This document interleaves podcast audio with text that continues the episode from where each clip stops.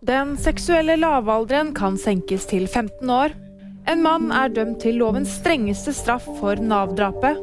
Og folket har talt. Elon Musk bør gå av som Twitter-sjef. Straffelovrådet foreslår å senke den seksuelle lavalderen fra 16 til 15 år. Det var en av anbefalingene i rapporten som ble lagt frem for justisminister Emilie Enger Mehl på mandag. Rådet anbefaler også at det kommer en ny bestemmelse om samtykke til seksuell omgang. En 40 år gammel mann er dømt til 21 års forvaring for drapet på en Nav-ansatt i Bergen.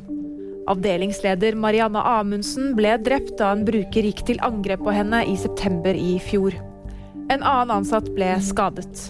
Mannen var tiltalt for drap og drapsforsøk, og ble i dag dømt til lovens strengeste straff i Hordaland tingrett.